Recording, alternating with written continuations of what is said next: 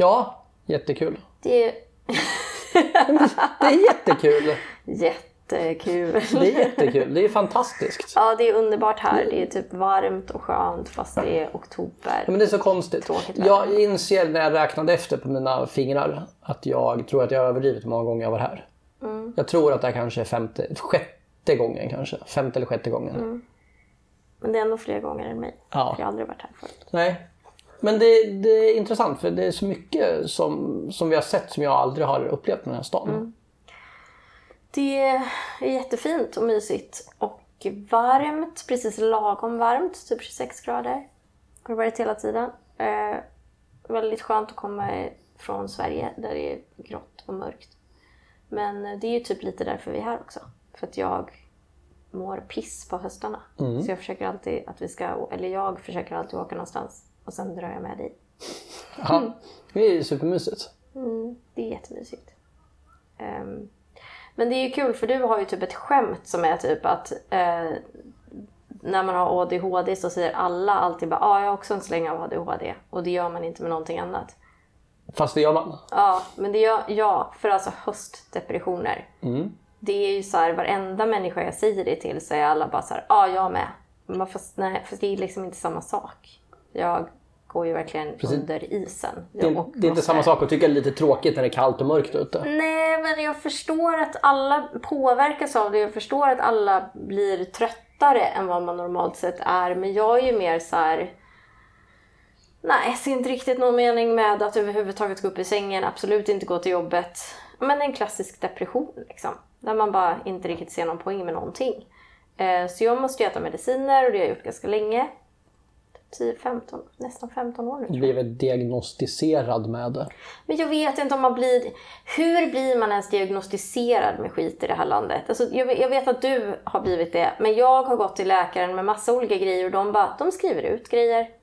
De bara, ja det, det verkar ju som att du inte klarar av det här så då får du utskrivet. Alltså framförallt när det gäller depression, man får ju inte en diagnos på att man är deprimerad. Diagnosen är ju typ att man får utskrivet sertralin. Liksom.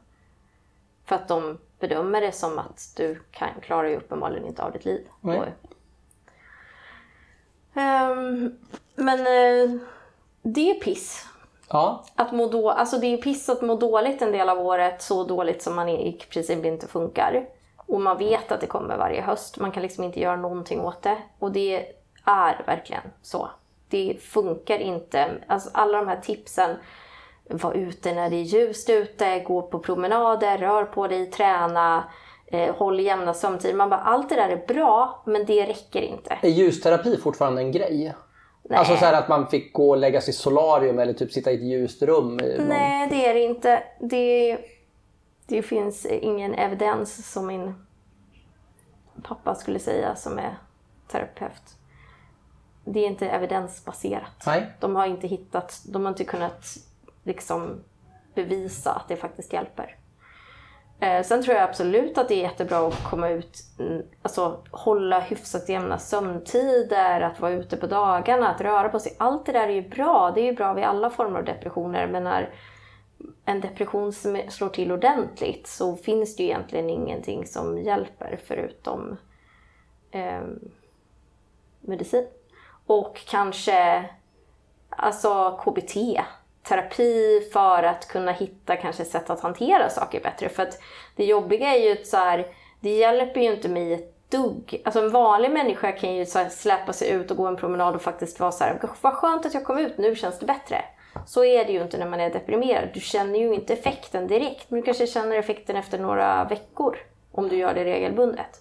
Man måste liksom hålla i vissa saker för att det inte ska bli ännu värre. Men ehm, det är ändå trist och tröttsamt att behöva, alltså att veta att så här, det kommer. Jag tänker mig att det är lite som man eh, är bipolär och man får skov. Att man så här, någon, man, fast för mig är det ju till och med att jag vet ju typ exakt när det smäller till. Jag vet typ vilken vecka liksom. Det där, jag har ju inte haft någon höstdepression, eh, mig veterligen. Men däremot så vet jag en hel del om det, hur det är att må skit på riktigt. Alltså verkligen ha depressioner av olika slag. Och det som verkligen, verkligen tycker jag är symptomatiskt för mig, det är att när jag är inne i den där skiten så märker jag inte att jag är inne i den där skiten. Nej. Utan det är först när man har kommit igenom den som man verkligen kan bottna i så här, ja men fan vad jag mådde dåligt då. Att man inte ser. Däremot kan man, kan man och då kan jag identifiera så här, vad, vad gjorde jag? Alltså att man avviker från sitt vanliga beteendemönster. Det är ganska läskigt. Att man verkligen inte känner det alls när man är där. Det är inte så att man går runt och känner så här, fan vad livet är, är meningslöst. Nej.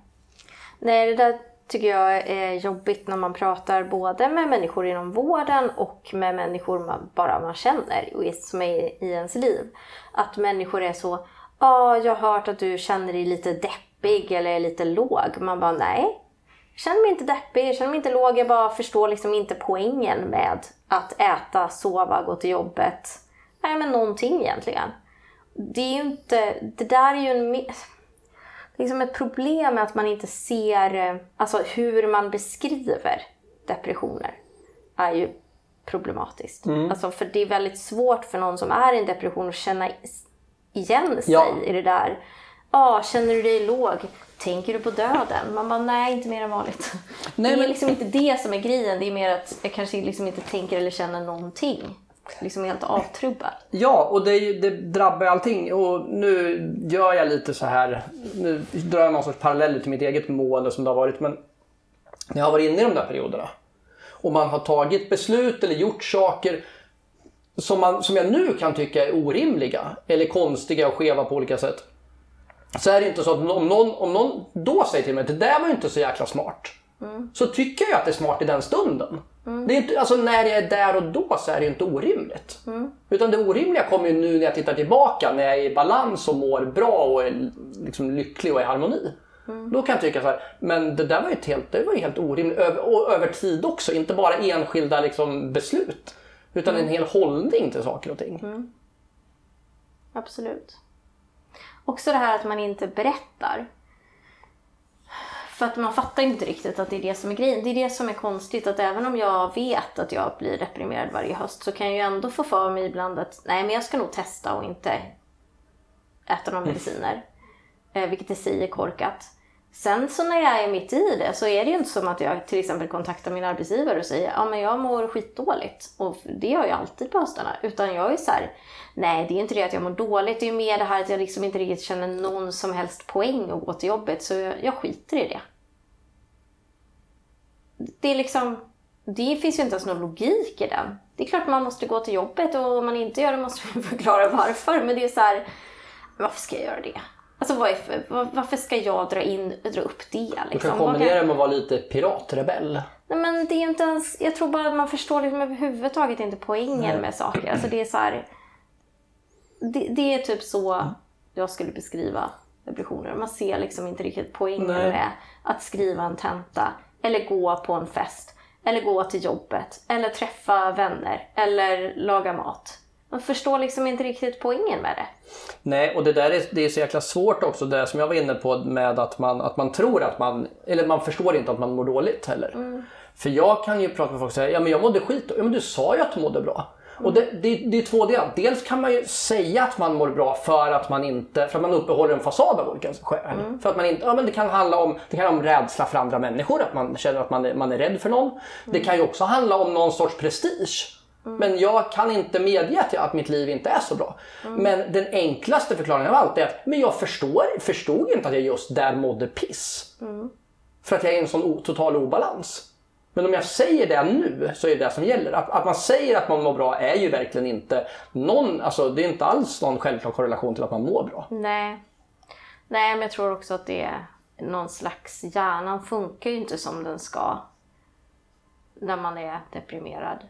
Så jag tror inte att man ens förstår det eller kan sätta ord på det. För Nej. det man känner är ju inte att jag mår dåligt. Det man känner är mer så här, jag ser inte någon poäng att gå ut upp ur sängen på hela dagen idag. Eller, nej men nu, nu kan jag inte sova, men det är lugnt. Så jag kan vara vaken hela natten och sen äh, skiter i att göra det jag skulle göra imorgon. Det spelar liksom ingen roll. Alltså det, man är ju inte så här, kopplingen så här, orsak och verkan och konsekvenser. Och, alltså, allt det där försvinner ju. Så man blir ju väldigt konstig. Så jag tror inte man ser, alltså man kan inte se det heller. Nej. Jag kan jag har tänkt på en sak de senaste dagarna apropå det här med att må dåligt. För jag tror ju att det avspeglar sig mycket i människors sociala medier till exempel. Ett väldigt tydligt fönster som man kan läsa in väldigt mycket i. Och jag kan säga så här, jag har mått dåligt ganska länge under en period under den perioden som jag har haft sociala medier. Och lagt ut saker och skrivit saker och gjort Och jag menar inte, nu pekar jag på, utan en hållning till sociala medier. Hur jag har framställt mig själv och mitt liv i sociala medier. Och då kan jag tycka det är jobbigt nu när jag så här, hur ska folk, för, förstår du vad jag menar? Nu måste jag både förhålla mig till det jag lägger ut, eller jag måste inte, men man gör ju det, till det jag lägger ut nu. Mot så här, hur ska folk relatera här till det jag lagt ut tidigare? Man vill ju på något sätt att man ska få ett blankt papper. Och det där, förstår du vad jag menar? Man skulle ju vilja trycka på någon sorts så här, erase, nu börjar vi på ett helt nytt kapitel. Och så är det noll, men det är ju aldrig noll. Nej, men kidsen gör ju så. De, de tömmer ju sina konton med jämna mellanrum. Tar bort alla inlägg och så, så ingen kan se historik. Men det är klart att människor kan ju fortfarande ha en minnesbild av vad de har sett. Det spelar ingen roll att du har en minnesbild. För folk har ju så här, även om de inte kommer ihåg saker du har lagt, alltså de enskilda sakerna du har lagt ut. Så har ju folk en bild av dig. Och den bilden kan ju jag tycka är jobbig. Ja. Jag förstår. Jag tror att eh, människor är väldigt olika där. Det finns människor som eh, köper saker, liksom face value. Om de ser någonting så är det, ja men, nej men han verkar jättelycklig, de är jättelyckliga, så här är det. det allting är jättebra för det ser ut som att det är Ja. jättebra. Och så finns det en massa människor som inte ser det så och inte, inte, inte ser på andra människor på det sättet utan absolut kan läsa mellan raderna eller ja, se något annat eller inte bara köpa det. Men det är ju olika människor. jag. Och det där är också intressant för den, den andra delen av det är ju bubblan också. Att man själv uppförstorar och tror att ah, men det är ju allt jag har lagt ut nu. Alla människor jag har en relation till har och så är det ju inte heller. Nej. Förstår du? Det där att man tror liksom att allt jag lägger ut, det är ju, det är ju den bilden folk har. Men faktum är ju att det, som med allt annat så tenderar man ju när man är i en storm så tror man ju att den stormen är mycket större för alla andra också än vad den är. Ja, men det har man väl alla exempel på. När man till exempel kanske har separerat eller man har flyttat eller något och sen är folk så här "Ja, jag hade inte fattat att du hade separerat. Nej, eller jag hade inte fattat. det." Man bara, men jag har lagt upp så här 40 grejer. Eller man tänker att man har gjort så går man tillbaka och så så, okej, kanske bara var två. Men, och folk ser inte så. Folk eh, lägger inte så mycket vikt vid vad man lägger ut som man själv tror. Nej. Eh, eller de flesta människor gör inte det. Men det finns människor som gör det. Som köper Allt liksom, ja. allt. ja. Och det är väl ofta de som kanske också kommenterar det på det där sättet. Det är de som bara, men du verkade ju så lycklig och allting verkade ju så himla bra. Liksom. Det är ju... Det är, men det har ju mer med dem att göra kanske. Men det intressanta, jag tycker ju aldrig att det här faller in när jag lägger ut saker om oss och det vi gör. Eller när jag lägger ut saker om min stand-up och det jag gör. Utan det faller nästan bara in när jag skriver om, specifikt om bara mig själv. Det är oftast där det landar i du vet, att jag så här. Men fan, nu, typ, nu blir jag för mycket av mig själv. Nu typ, har jag typ, exponerat mig själv för mycket. Eller typ, nu framstår jag som att jag är en attention whore, vilket jag är ibland. Men, ja, men egentligen ska man tänka på så här, vill jag lägga ut det eller vill jag inte? Alltså, det är egentligen bara den frågan. Så får man skita i resten. För jag behöver inte ha någon marknadsstrategi för mig själv. Nej. Om jag inte nu tänker på att jag är ett vandrande varumärke och det är jag inte. Nej. Nej, men eh, sociala medier. Men sen kan jag också tycka så här, nu har jag eh, inte haft Facebook på över ett år och det är ju superskönt. Ja. Jag eh, blev utkickad mot min vilja men eh, det var... Jag har inte saknat det. Tvärtom. Men jag tror Facebooks relevans för väldigt stora grupper, inte för alla grupper, men för väldigt stora grupper har ju rasat något så abnormt. För att de håller på att bli övertagna av, av andra saker. Och dessutom kannibalisera på sig själv i form av Instagram också. Men åter till där du började då. Var inne på intervjurösten då. Var det? Men det där du började prata om med, med depressionerna. Om du nu inte vet när du är på väg in i en depression. Vad, jag som, som står dig ganska nära. vad kan man göra då? För jag- av, av egen erfarenhet tänker jag så här att det kan också vara jävligt irriterande om någon knackar dig på axeln och säger så här, du mår dåligt. Nej, fast du mår dåligt. Nej, men jag tror inte att det är... Alltså, jag tror att jag kanske behöver... Jag har ju en tendens att värdera saker. Att saker, nej men det är inte så farligt, eller jag mår inte så dåligt, eller det är inte så... Äsch, liksom. Gillar inte att få uppmärksamhet på det sättet. Så jag kan nog ibland behöva att någon är så här, fast det här är ju något du behöver ta på allvar. Om jag visar tecken på att inte ta det på allvar. Nu har jag ju liksom nu har jag ju preppat liksom. Nu har jag eh, antidepp som ligger och väntar som jag börjar ta när jag känner att det börjar bli tufft. Vilket är typ nu.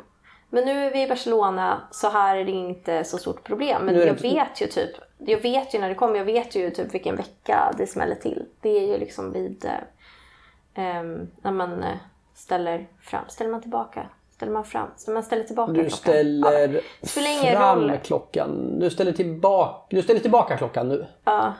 Spelar egentligen ingen roll för effekten är att det blir ännu mörkare och jobbigare. Det är liksom effekten. Ehm, även om, alltså... Det det gör är väl att det blir lite ljusare på morgnarna men blir mörkare på kvällen. Och det som händer då är ju att det, veckorna innan blir det väldigt mycket mörkare för varje nästan dag som går.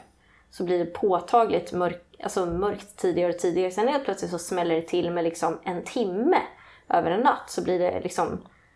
Och det slår jättehårt för mig. Och det där att det blir ljusare på morgonen, det är liksom inte... Det gör ingen som helst skillnad för mig. Ja, jag är uppe då, men då är jag ju liksom på jobbet och märker typ inte när det blir ljust. Utan det är så här, det är verkligen det här att det blir mörkt så tidigt och man liksom måste gå ut och handla när det är mörkt och man går ut med hunden när det är mörkt och det är så här. um, det är väl det som är det konstiga med höstdepressioner för att det, är, det har ju med ljuset att göra. Det är ju någon slags så här, Vissa av oss har liksom en hjärna som helt enkelt inte hanterar de här stora förändringarna i ljus så bra. Och det är ju likadant för mig med... eh, Alltså det är tufft på vårarna också. Eh, Det är liksom några veckor där också som det är ganska tufft. Men grejen är ju att då är det en allmänt mer positiv känsla. För det blir ju ljusare och det blir ju varmare. Det finns ju någonting så otroligt deprimerande över det här när mörkret kommer. Och man bara vet att men nu kommer det vara ett helvete i det här landet i sju månader. Eh, det är så lång tid. Det är så oöverstigligt liksom. Oöverskådligt. Får jag ta upp en annan aspekt av det där? Mm. Du och jag är ju inte extroverta på det sättet. Vi är väldigt sociala människor i det att vi pratar mycket när vi träffar människor och Mm. uttrycker oss. Och jag tror att folk tror att det ska synas på ens beteende gentemot andra människor också. Och det är nästa aspekt. Så här, men det märktes inte att du mådde dåligt för du pratade och skrattade och skämtade. Mm. Men humor är inte det som kommer att lämna en för att man mår piss. Nej. Tvärtom skulle jag säga. Då hittar man bara andra cyniska sätt att se på vad som är roligt. Och det kan jag också tycka är lite jobbigt att man inte blir den där, att man inte går ner i imagebilden av, en deprimerad person.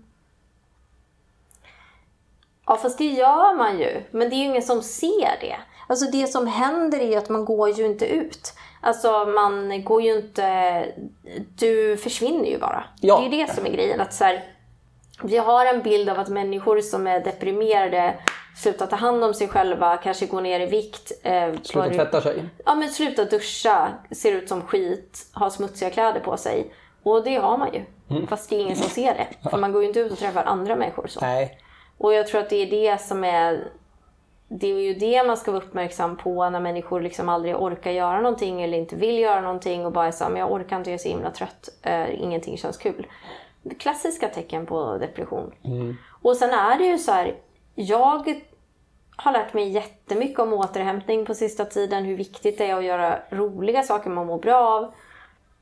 Men sen tror jag ju att det är många människor som det, det låter ju konstigt med tanke på hur många som faktiskt äter antidepressiva men jag tror fortfarande att det finns ett mörkertal. Kanske i våra generationer. Alltså jag tror att det är många som är yngre som äter det mycket mer men Jag känner att så här, människor går inte till sin läkare och säger alltså jag orkar ingenting och jag vill ingenting och jag orkar inte träffa mina vänner och allting känns ganska meningslöst och så har det varit i typ ett halvår nu.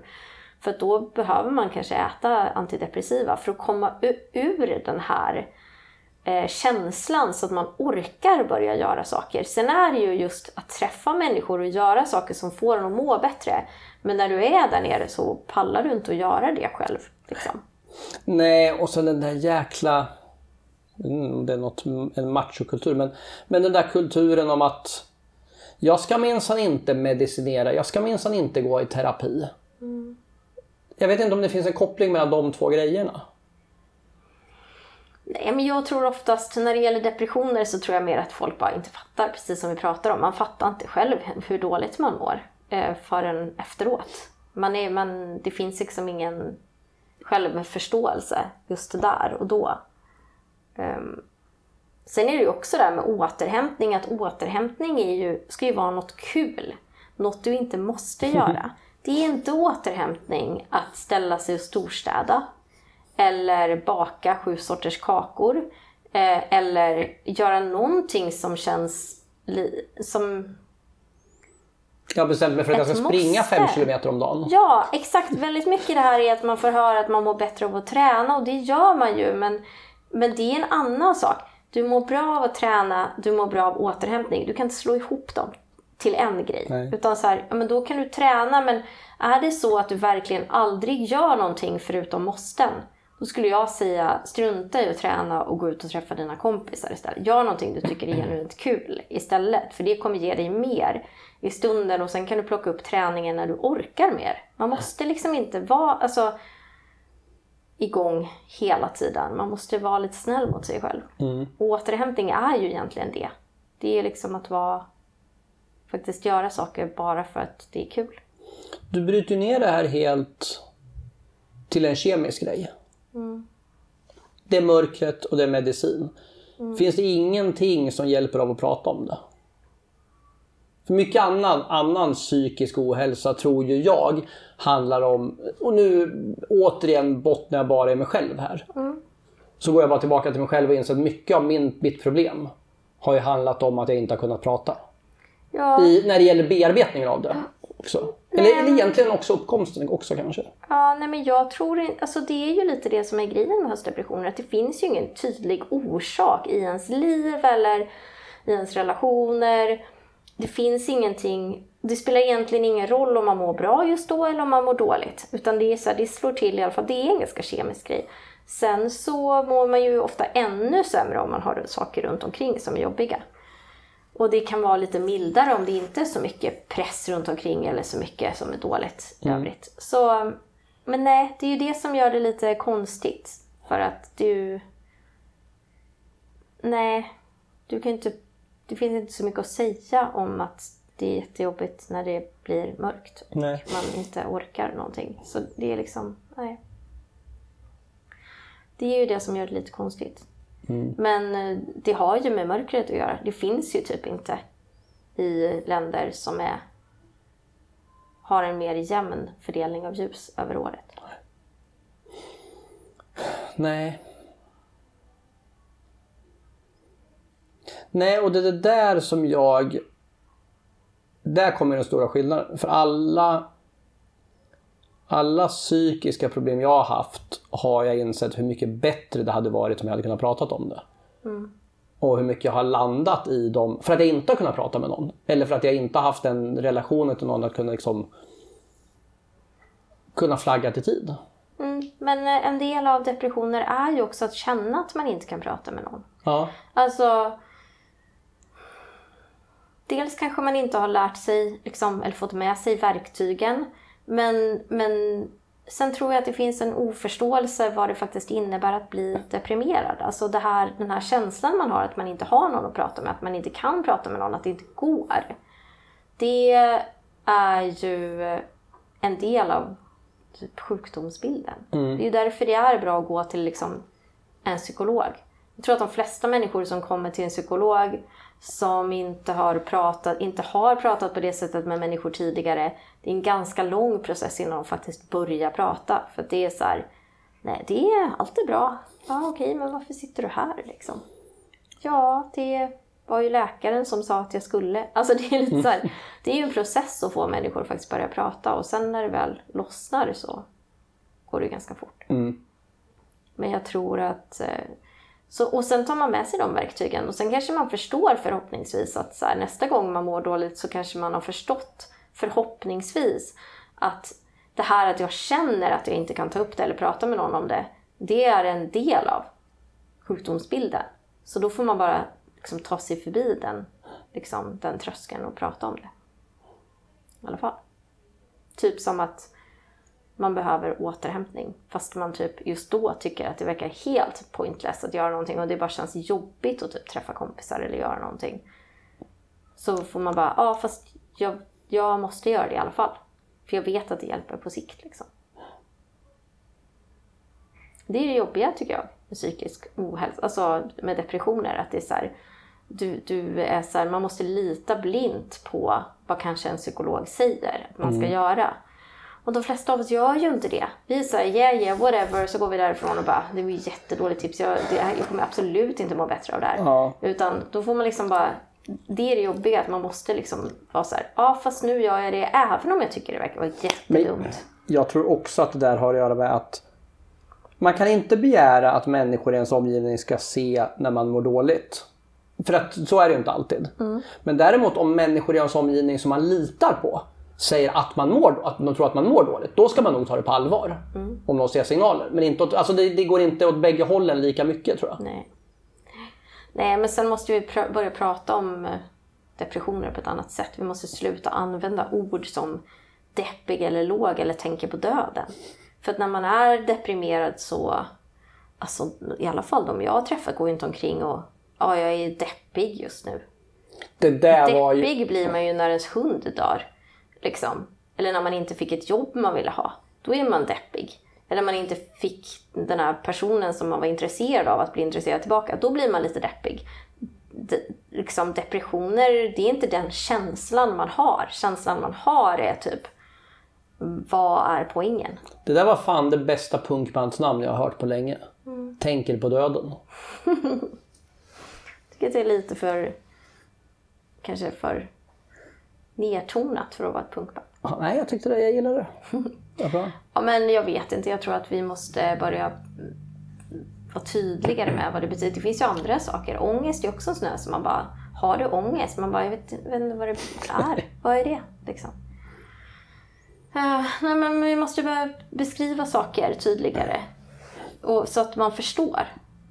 Ställa frågor. Och det är ju sjukvården behöver ju ställa frågor på ett annat sätt. Men även människor. När, man, när man känner att någon inte verkar vara, liksom, må riktigt bra.